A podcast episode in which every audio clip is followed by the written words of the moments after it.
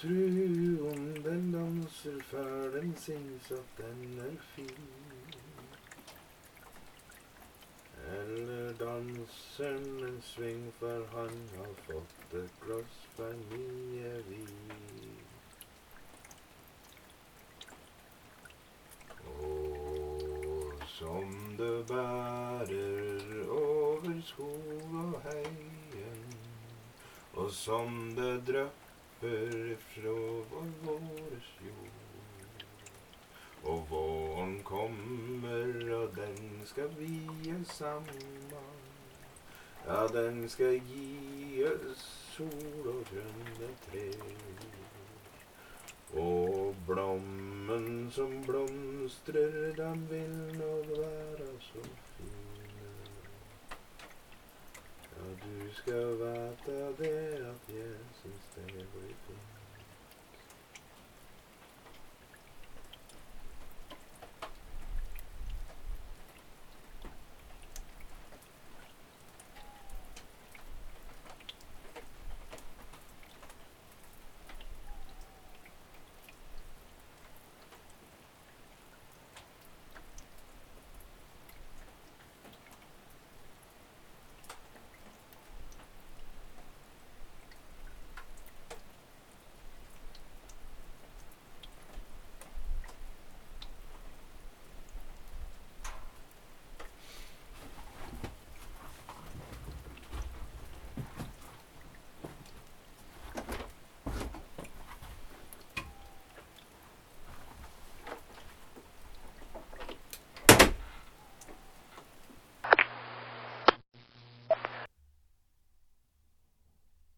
Velkommen til the grand finale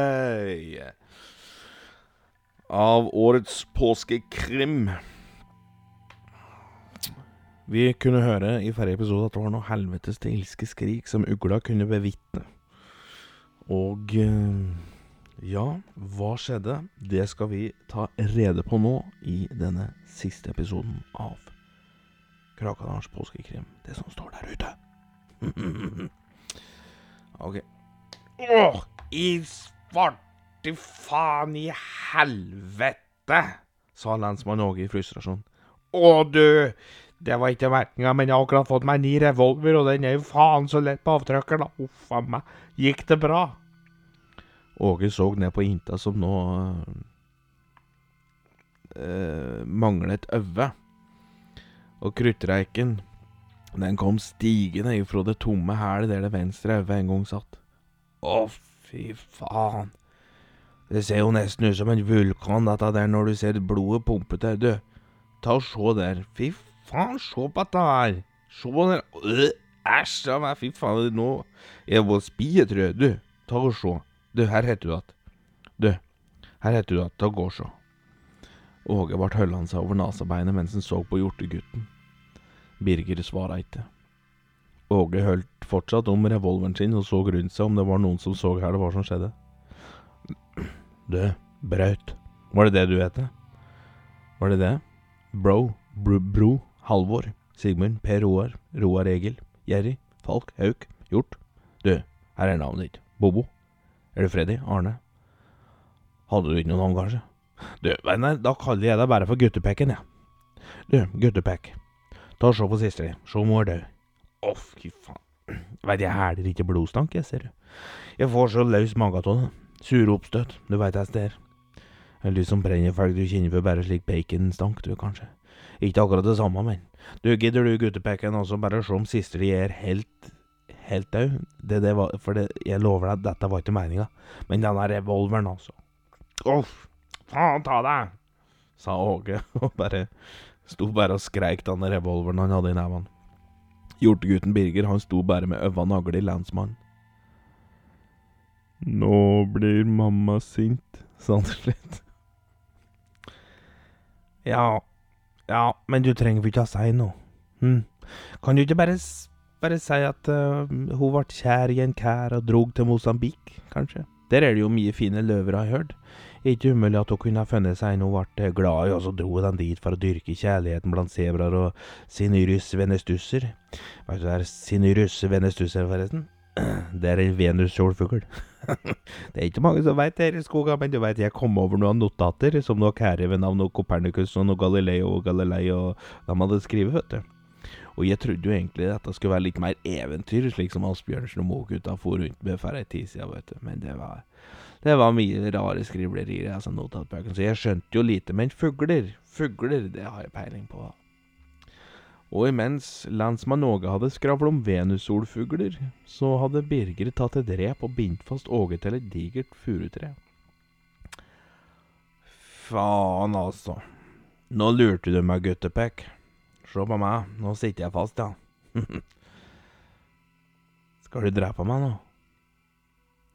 Jeg må hente mamma, så kanskje hun dreper det. Nei, du, guttepekk. Guttepekk, hør her. Kan du bare si meg, her er det med unger som dør, som driver og gjør som mor deres sier hele tida. I fjor da så råk jeg på en gæren kjerring som fikk unga sine til å finne areunger som drev og åt dem opp, og her driver du og sistri og finner søskna deres og brenner dem opp, faen. Du vet Det er ikke sunt, tydeligvis, å være så knyttet til mor si. Du må flette for deg sjæl, få deg jobb. Kan jobbe hos meg. Kan ikke du bare tie stille, eller må jeg skjære av tunga? Nei, faen, jeg trenger den til å sleike fitte, så det får du ikke gjøre. Hva er svaret til godeste har laget? Og da han sa dette, her, da fikk han en diger knyttneve og plante rett i ansiktet. Han svimet av, og da han våknet, så så hun nøkken som sto langt ute i tjernet med blikket mot den. Og sola den var på vei ned, men hjortegutten han var borte. Det kom plutselig en harepus ruslende forbi, glad og lystig. Å, hyrre, hei og hopp, skrei harepusen mens den hoppa og sprang, og han gjorde noe rundkast av og til da han ville. Så plutselig så sto han framfor Åge og glana på han. Ja, god dag, god dag, sa haren. Å, jeg er så glad i dag, for Jeg har vært jo Jeg, har- jeg har vært gift, skal jeg vite. Å ja, men så trivelig, ja. det. Gratulerer, Svar Åge. Ja, det var ikke så trivelig egentlig, hun hadde skrapa horna sine gett, så det var trøll til kjerring jeg fikk. Å faen, ja det var ikke bra, sa Roger. Ja, det var ikke så ille heller, for jeg, jeg fikk litt rikdom igjen, vet du. Hun hadde nemlig ei stue, Så haren. Oi, hør dere, ja. Ei stue, ja det er vel og bra, det. Du får gratulere. Ja, det var nok ikke så vel og bra egentlig, for stua brant opp, og alt vi eide brant med. Nei, men i faen i helvete, det var fælt å høre, syns jeg. Ja, det var ikke så fælt, da, for hun brant opp kjerringa mi. og haren han sprang videre forbi Åge og inn mot, eh, skogen. Nei, men du, vent da, Harepus, Harepus. Jeg sitter fast, kan ikke du være så snill og hjelpe meg? Å, jo visst, jo visst, ja. Jeg trodde du sto til pynt bare, jeg, vet du. Harepusen spratt bakom treet og gnagde sin tau, og vips, så var noe løs. Tusen takk for hjelpa. Har ikke hett stua di blanda med flakk kjerringa di strøk med. da dukker det brått opp bare muligheter, vet du. Det er mye Her er de, ser jeg. Mye fisk i sjøen. mye pus, harepus i skogen. Harepusen og lensmann Åge, de gikk hver sin vei. Harepusen visste ikke han skulle, men Åge visste at han måtte få ta en tur til Agnete Husevi. Men før vi går dit, så skal vi spole tida tilbake noen år. Vi skal til Husevihuset en høstdag der all skogens blader datt til jorda i alskens farger og fasonger. Ifra uthuset kunne det høres barnegråt, og i stua så satt Agnete med foldede never og så hardt på sin mann. En Alf Albert. Hun hadde ei liste på bordet framfor seg der hun satt. Og den lille stearinlysflammen blafret forsiktig av vind som trakk gjennom vegga, så navna som sto på den lista hennes, den vridde og vrengte seg. Paulina Harelabb, Gyda Gjeddesvans, Heidrun Hestefrø, Una Ugle, Kirti Katteklo, Vilde Vinterpølse, Saral Soft, Leika Lodd, Lina Jåbla skjært av nevan, Ida Ivrig og Rita Raske Briller. Det var bare noe av navna som sto på lista Alf Olbert hadde skrevet ned. Knullelista, som han kalte det. Det var kveld ute, mært som kæl, men hvis du så lenge nok mot vinduet, så kunne du se konturen av et ansikt. Det var Verken Agnete eller Alf Albert visste jo at uh, visste om denne skapningen som sto der, her det var for noe. De, visste, de, de, de så den heller ikke. Var, de visste ikke at det sto en skapning der ute med stivt blikk og med lepper som bevegde seg i den merke netta. Men hvis du kunne høre etter der vinden suste rundt hushjørna, så kunne du høre, høre felgene. Jeg sverger ved blod og bein.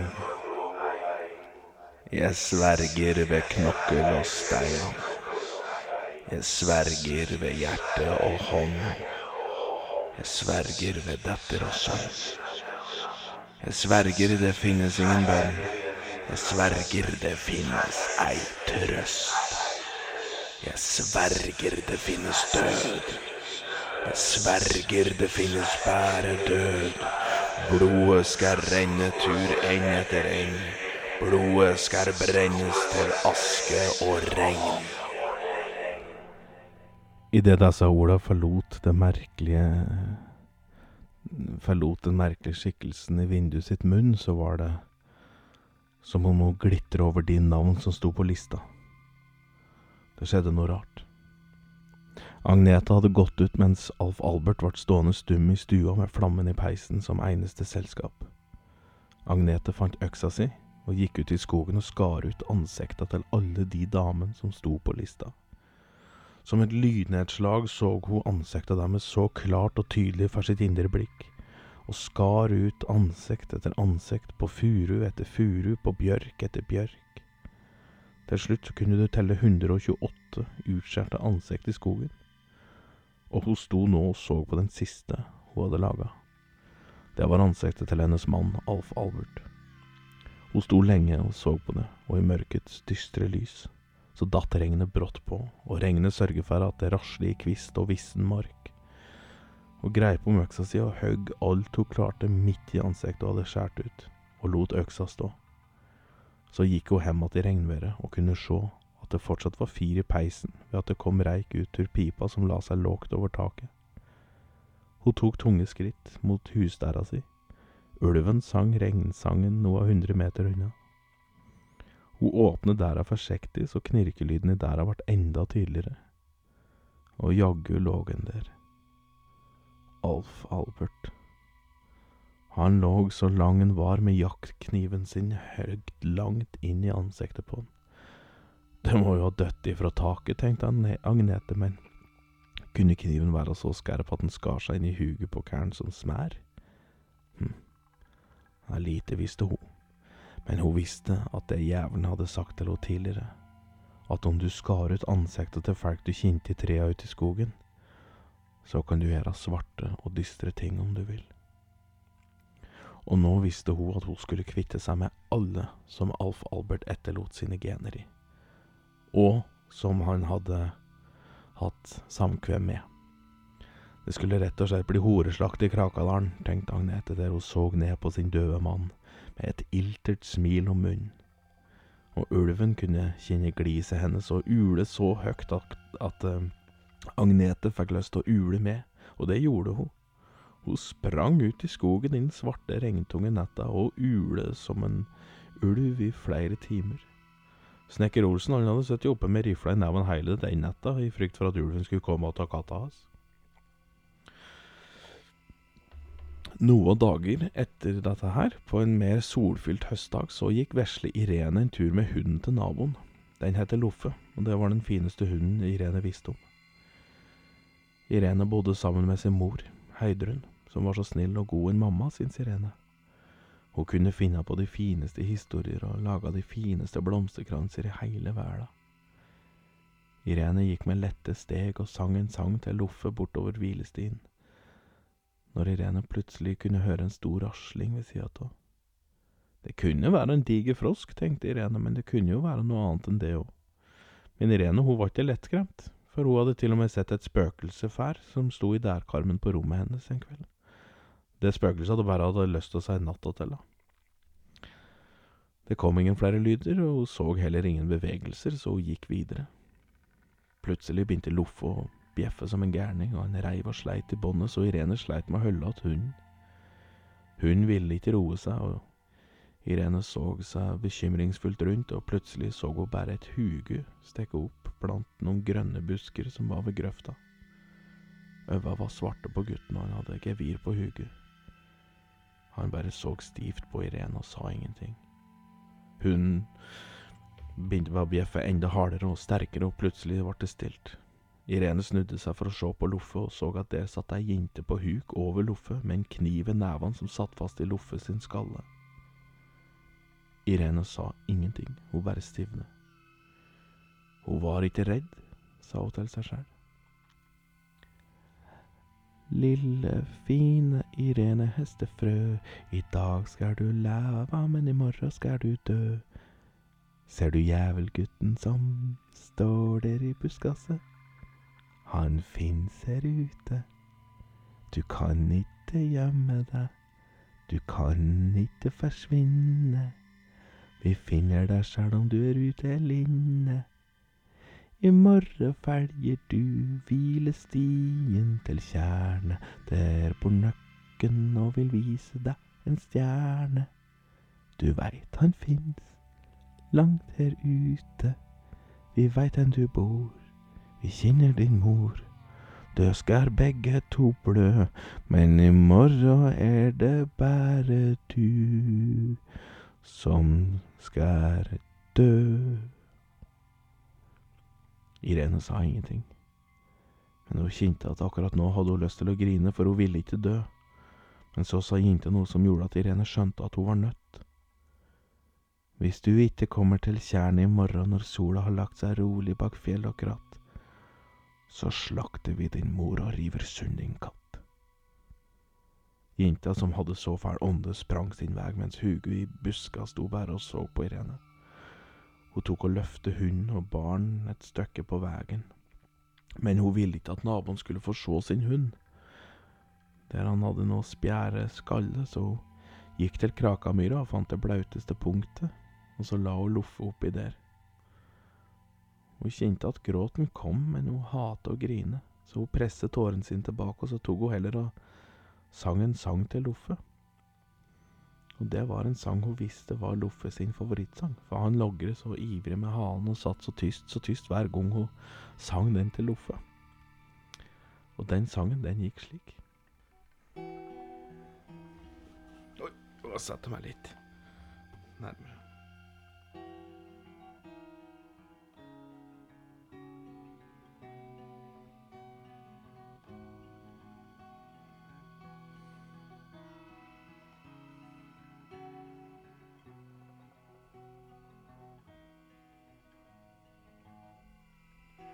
Du fine hund med så god pels. Du gir meg fred, og du gjør meg glad til sjels, mens andre sier til meg Irene, du er for ung til å elske, så veit jeg inni meg Nei, jeg klarer ikke.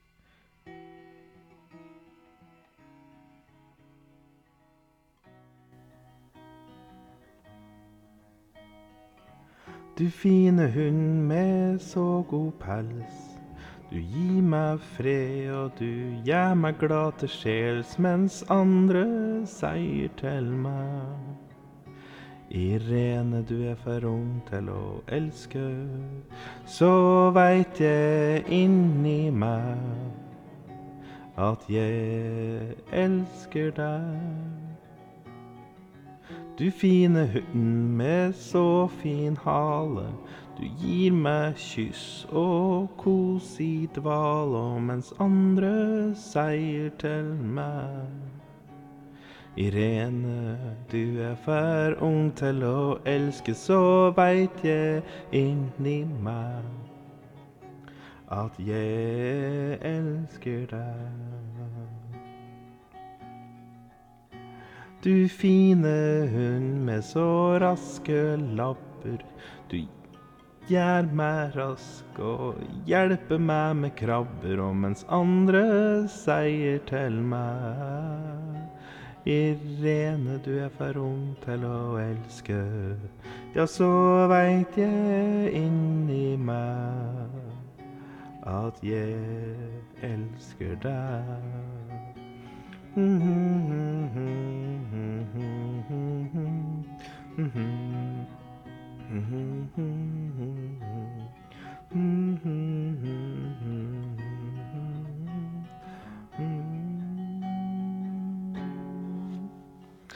det var, den gikk eh, noenlunde slik. Noenlunde. Hun rusler hjem til sin mor. Sin mor Heidrun, som sto med bjørkekosten sin og koste bort gammelt løv ifra trappa, og ønsket sin datter velkommen hjem att med strake ermer og et stort og kjærlig smil. Hun så at det var noe ra- ra- rart i øva til Irene, og spurte hva det var som var galt, og da svara Irene at hun Loffe hadde sett et ekorn, og sprang etter den. Men Loffe kom ikke tilbake når hun ropte, og hun var redd den hadde sprunget så langt vekk at den ikke ville finne veien hjem igjen. Mor Heidrun trøstet sin datter med at eh, Loffe helt sikkert ville komme tilbake igjen snart, så, så klok hun som han var. Og det gjorde Irene bare enda mer lei seg når hun visste at Loffe aldri mer ville komme hjem igjen. Og i morgen ville hennes mor bli like engstelig som naboen er i dag når hun sjæl ikke kommer hjem igjen. Hun skulle aldri mer komme hjem igjen, for om hun ikke gjorde som de rare folka i skogen sa, så ville mammaen hennes òg dø. Og Irene ville ikke leve et liv uten mammaen sin. Da tenkte hun det var bedre at hun hadde fått ha få ha hatt mammaen sin i hele sitt eget liv, da. Og mens hun sto og fikk en klem av sin mor, så kunne hun se blant de tunge grangreinene mot skogen at hjortegutten sto der og stirret dyster på henne. Og hun kunne høre med vinden. Du skjefing-tyven. Deg fins utjevne, deg nifsetuven, den feitnes juv.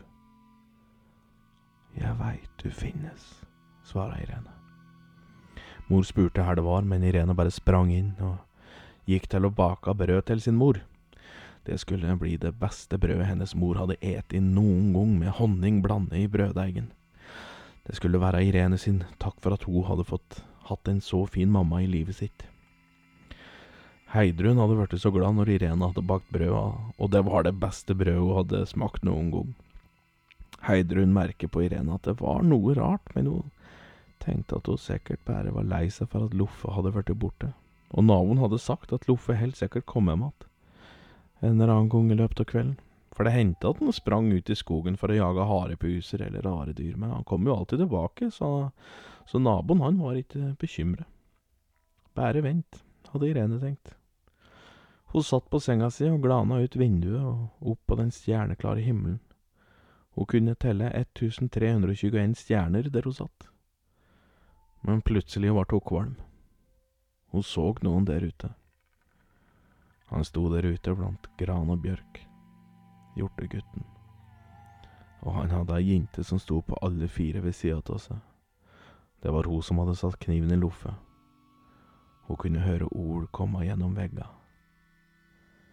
Deg nifsetuven, nøkkekjern i morgen kveld. Du må dø. Den feitnes tjuv, deg fins utjevne. Jeg veit du fins, hvisker Irene og la seg til å sove. Kvelden etter, når Heidrun hadde lagt seg, så tok Irene med seg ei lita elgelampe og gikk ut i skogens mektige ro. Hun kunne høre ei ugle som hukre mens den fløy over henne. Hun kunne høre noen frosker som sleit med å finne soveplass for vinteren der hun vandret oppover hvilestien. Etter en times vandring kom hun fram til tjernet. Nøkken sin store skygge kunne man se blant skodden som hadde lagt seg over tjernet. Over hans ju sto opp en diger kvisthaug som sto på steinskjæret. Ei diger påle sto og raga høgt i midten av all kvisten, og hun kunne se to skikkelser som sto ventende der oppe. Takk, mamma, for at du ble mammaen min. Jeg håper at du får fred en dag, sa hun og tok bestemte skritt opp mot steinskjæret, og de orda var det siste som forlot Irene sin munn. Lite visste hun at hennes mor og andre mødre, sønner og døtre skulle lide hennes skjebne framover, når den grusomme familien Huseby gjorde gjorde seg klare for å utslette alt som var av gener etter husbonden Alf Albert Huseby. Vi skal nå tilbake til da lensmann Åge gikk med bestemte skritt opp mot huset til Agnete Husevi. Han kunne se det var ljus i stua og skygger som for fram og tilbake. Og det var smertehyl. Han var usikker på her som kom til å møte han. Han gikk inn, men han skulle slippe å se, for brått så smalt døra opp, og Agnete Husevi hun sto i døråpningen med ei rifle i nevene og så hardt på lensmann Åge. Der var du, ja.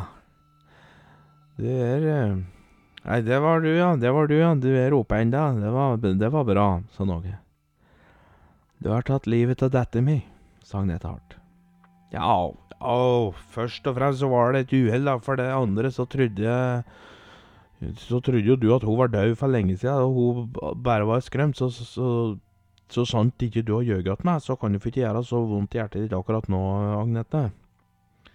Agnete festet grep om rifla si og pekte mot eh, Pekte mot uh, Åge mens hun tok ett skritt ned trappa si. Det var helt rolig i, skogen nå. Foruten at de hørte ei ugle som satt på en tretopp og åt på et ekorn, mens det fulgte spent med på det som foregikk der nede ved huset vi huset.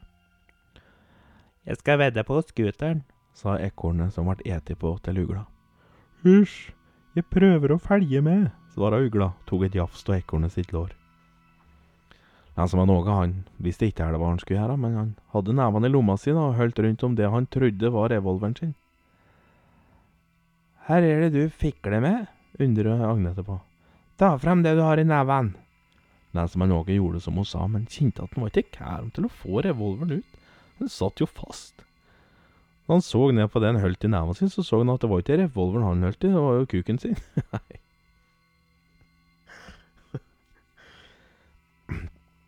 Men i svarte faen ta dra inn att snavelen att en gris, sa Agnete og skjøt et varselskudd i lufta.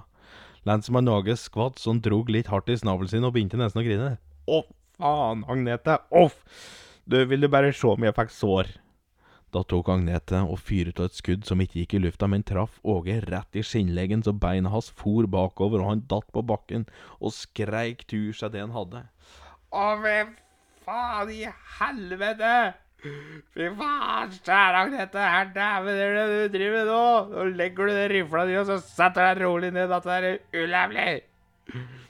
Agnete gikk rolig bort til Åge og så ned på han og pekte med rifla ned mot skrevet til lensmann Åge. Nå begynte han å bli ordentlig redd, og så begynte han å grine. Kjære Jomala, kjære Jomala, takke jævel i himmel, helvete, ikke rør meg din før ikke du er arrestert, du er arrestert, hører du meg? Henne har du gjort av denne guttepekken? Han skal fengsles han òg, jeg hører rykter om at du har drept flere enn én person. Og det er dødsstraff til Agnete.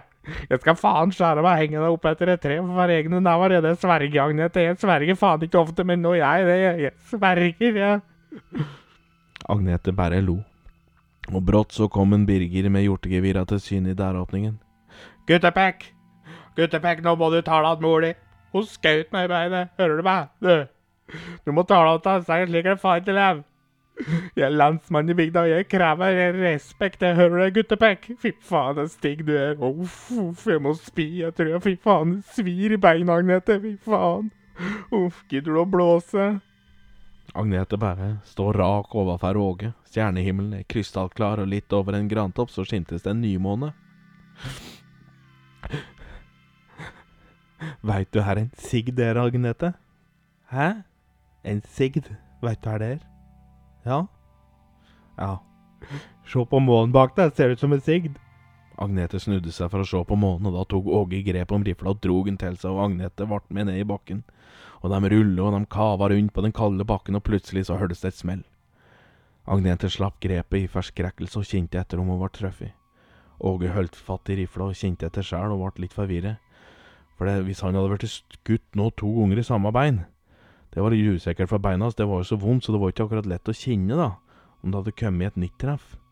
Men de skulle snart få svar da de hørte noe som datt litt bortafor.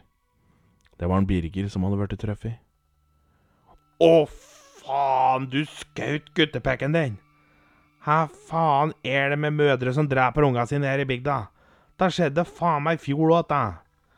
Det var ikke jeg som skjøt din kukkskalle, hoia Agnete mens han sprang til guttungen sin og tok den i fanget. Er han død? undrer Åge på, men det kom bare noen lave hiks til svar. Sa du noe? Jeg hørte ikke for du griner så jævlig, vet du. Dauen, spurte jeg. Men det kom fortsatt ikke noe svar. Men brått så satte Agnete øva hardt i Åge, og forsvant inn i stua si. Åge tenkte at dette lå ikke bra, så han prøvde å reise seg, men fikk det ikke helt til. Han kjente han ble nervøs for om han kunne bli med i revkrokmesterskapet han hadde meldt seg på til sommers med etter beinet. Men det fikk han ta da den tida kom, tenkte han. Nå måtte han få slutt på dette tullet til Agnete. Hun kom springende ut med ei øks i neven, og Åge skvatt til og hov rifla alt han kunne i trynet til Agnete, så hun datt tvert ned. Å, faen nå! Nå blør du, Agnete. Vil det jeg skal blåse på? Dette var ikke meninga, Agnete, men jeg trenger at du blir med meg ned på stasjonen og får satt deg i bås. Vi kan ikke drive og ha folk som driver og dreper rare folk i bygda. Det blir ikke noe trivelig. Folk griner og sørger og leiter etter ungene sine og foreldrene sine. og jeg, jeg syns ikke det er noe ålreit, Agnete. Vær så snill. Hm, nå har jeg skutt begge ungene dine. Syns du det er noe ålreit?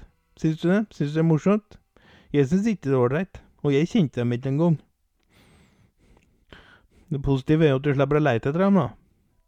Eller ja, Jentungen hov ut i tjernet, så nøkken kunne få kose på, men guttepeken han ligger der. Nå er det slutt, Agnete. Du skal ikke få ta flere liv. Vet du, Agnete Hører du meg, Agnete? Agnete så opp på Håge som sto overfor henne, og hun kjente tårene trille nedover kjaka sine og nikke rolig. Ja, ja, jeg hører. Det er bra. Det er bra. Jeg tenker at eh, det blir bare et helvetes mas og kjas, altså. Om jeg skal henge deg da vi kommer ned til sentrum, så Agnete. Jeg kommer til å skute deg i huget her og nå. Rett i panna så du dør. Og så kommer jeg til å dra inn i huset ditt. Jeg legger deg inn til guttepekken din, og så brenner jeg ned hele huset. Og så skal jeg forbanne denne plassen, så folk veit hva slags ondskap som hviler over denne plassen, og skogen, den skal få gro igjen. Du kan få lov til å vokse opp igjen som trær, stå her ute, blant alle disse fæle treansikta du har skåret ut. Og de er kjempebra laga, Agnete. Du kunne ha blitt kunstner om du bare ikke hadde vært så gæren i huget ditt. Tenk det. Og kunstnere, det trenger vi i Krakadalen, og det kunne vært det, det, men nei. Slik ble det ikke. I stedet for så skal ditt navn i stedet for at ditt navn skal hedres og minnes, så skal det glemmes. Skal viskes ut. Høres det bra ut? Kjære lensmann Åge. Vær så snill. Ikke drep meg. Vær så snill.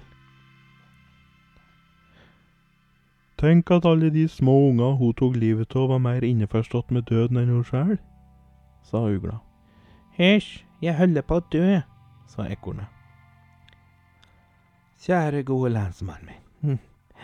Du, ikke drep meg, gjentok Agnete.